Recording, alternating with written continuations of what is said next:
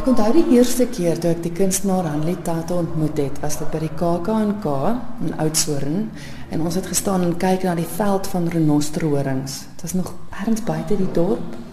Jam Street. Jam Street is reg. Dis die eerste keer wat ek jou ontmoet het en dis ook dink ek amper die eerste keer wat jy regtig met rubber begin eksperimenteer het. Dit was my fase van dat ek speelgoed gemaak het uit byvoorbeeld renosters uit die uh, rubber, maar nog nie bo- borduur het daarop nie. Ja, want ek weet die tweede keer toe ek met jou gesels het, ook by die KAK&K, was die eerste keer wat jy te borduur het.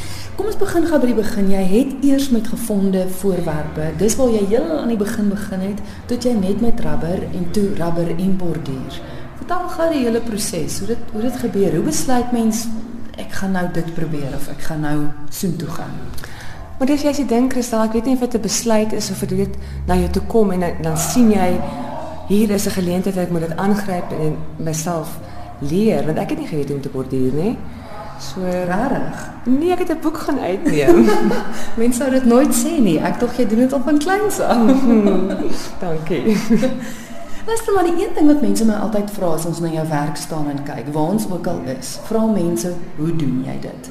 En ek wil gou hê ons moet kyk na hier so 'n klomp verskillende tipe goed wat jy doen. Die die een is waar dit amper half soos laslappie rubber aan mekaar is. Met ander woorde klein vierkantjies. Dis korrek. So waar's ontmoet het 'n KAK&K daai jaar het ek net klein werkies gedoen, soos die kussentjie gedeelte wat ek die rubber in 'n sirkel sny en ek borduur en is 'n kleins. Toe sê iemand vir my moet 'n bietjie my grense verskuif en groter dink. Dis waar ek dit begin opsny in blokkies en 'n basiese kool daarvan maak. Eers het ek dit met die hand gedoen. Nou gebruik ek 'n maatskappy in Stilbaai met 'n masjien my doek basies te, te maak waarop ek dan kan borduur. En dan die borduur self want almal vra altyd hoe lyk jou vingers? Ja. Ek sê vir hulle ek kry eelte en jy kan daar voel. So jou eelte beskerm jou vinger later en ek gebruik ek maak vir my 'n rubber vingerhoed ook van die rubber wat agterbly. Want ek weet het op 'n stadium vir my gesê ek dink jou skoonma of iemand het vir een van daai harde vingerhoedjies maar jy kon glad nie daarmee werk. Ek het bietjie gesukkel. Ja. Nou goed, jy het nou die doek, die rubberdoek voor jou. En dan borduur jy soos wat mens op lap sou borduur. Dis uit die aard van die saak net bietjie Stewiger. Ja. Dis is lekker. Ek kan nie op lap werk nie want lap is my te pap. Ek geniet hierdie stewige materiaal en party rubber is nie so dik nie, so die naald gaan maklik deur. Dis nou die een tipe werke waarna ons kyk. Die ander is is klein beeldhouwerkies. As mens mooi daarna kyk, dit laat my dink aan die renosters wat jy lank terug gedoen het, die driedimensioneel. Ek is baie lief vir speelgoed, so dit gaan nog altyd deel vorm. Selfs in 2004 het ek 'n reeks speelgoed gemaak met daai keer met um, Plaster of Paris. Mm. En ek wou nog steeds borduurwerk inbring in driedimensionele objekte. So daar's lap waarmee ek die objek toegedraai het en vasgewerk het en dan is daar dele van die rubber wat ek vasmaak daaraan en op nog borduur daarop. En dan so 'n ander tipe wat ook is wat mooi in so 'n ongelooflike mooi houtrame is. Die een waarna ons byvoorbeeld hierso kyk is is eintlik 'n ou fo foto wat jy die rubberwerk opgedoen het en borduurwerk daarop ook. Ja, ek hou van gemengde media, ehm uh, want dit dra by tot 'n uh, ander storie. So ek wil eksperimenteer. Jy wil heeltyd jouself druk ook en um, nuwe goed. Ek kan nie net op een ding konsentreer nie. Ek hou daarvan om te kyk na die grootte, mediums wat ek bymekaar kan sit. Dit raak soos 'n speeltjie in my studio. Kom ons kyk gou na hierdie uitstalling. Wat is sy titel? The Grim Needle. Grimm is die broers Grimm van die vier verhale, maar Grim Reaper kan dit ook op sin speel wat uh, die dood voorstel mm. en dan die needle vir die die metode wat ek dit doen. Mm. Kom ons kyk gou na goue lokkies ook wat daar aan die ander kant is. Dis vir my so 'n oulike titel vir die werk. Goue lokkies se oë is te groot vir haar maag.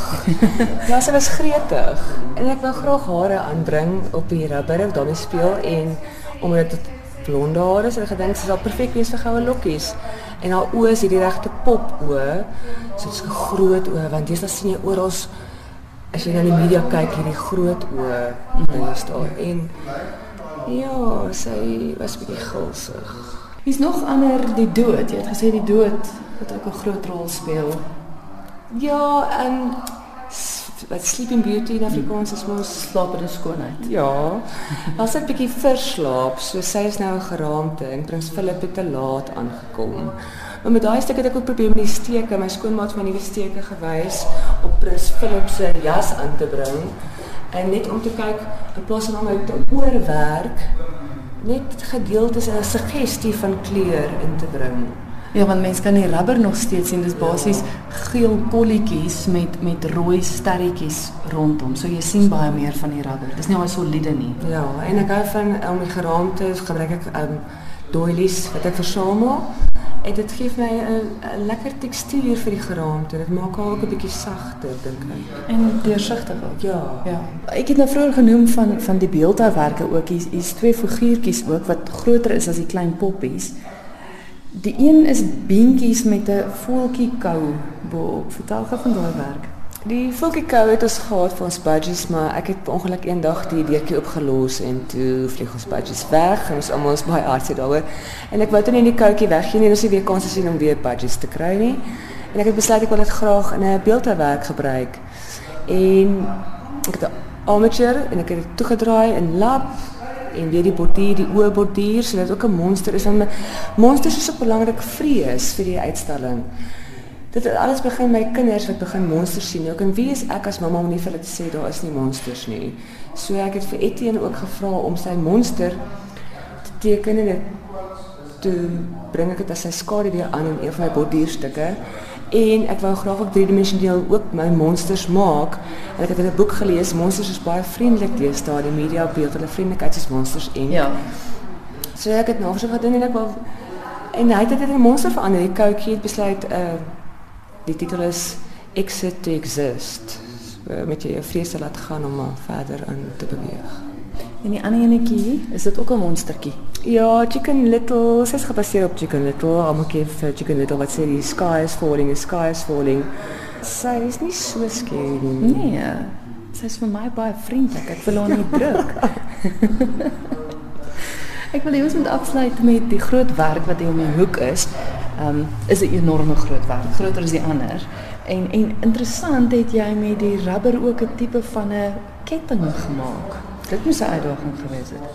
Dit was lekker. Dit was eintlik deel ek wou dit gedra het uh, as 'n deel van uh, uitrusting. Ons het dit in Prins Albert 1 jaar. Het ek die ketting om my nek gehad en my man het vasgehou. En ek wou toe iemand het gesê 'n bietjie die rubber ook gebruik en nie net daar borduur nie en ek het gewonder hoe gaan ek dit doen en ek besluit ek gaan die ketting gebruik om die ek borduur 'n figuur wat die ketting optrek en is asof jy rubber van onder af optrek of jy te wys wat onder aangaan en wat weggesteek is. Want ek dink die titel is ook what lies beneath. Ja. Yes. Ja. So ek wou speel, ek wil kyk probeer heeltyd kyk hoe ver ek die medium kan vat en wat ek nog daarmee kan doen.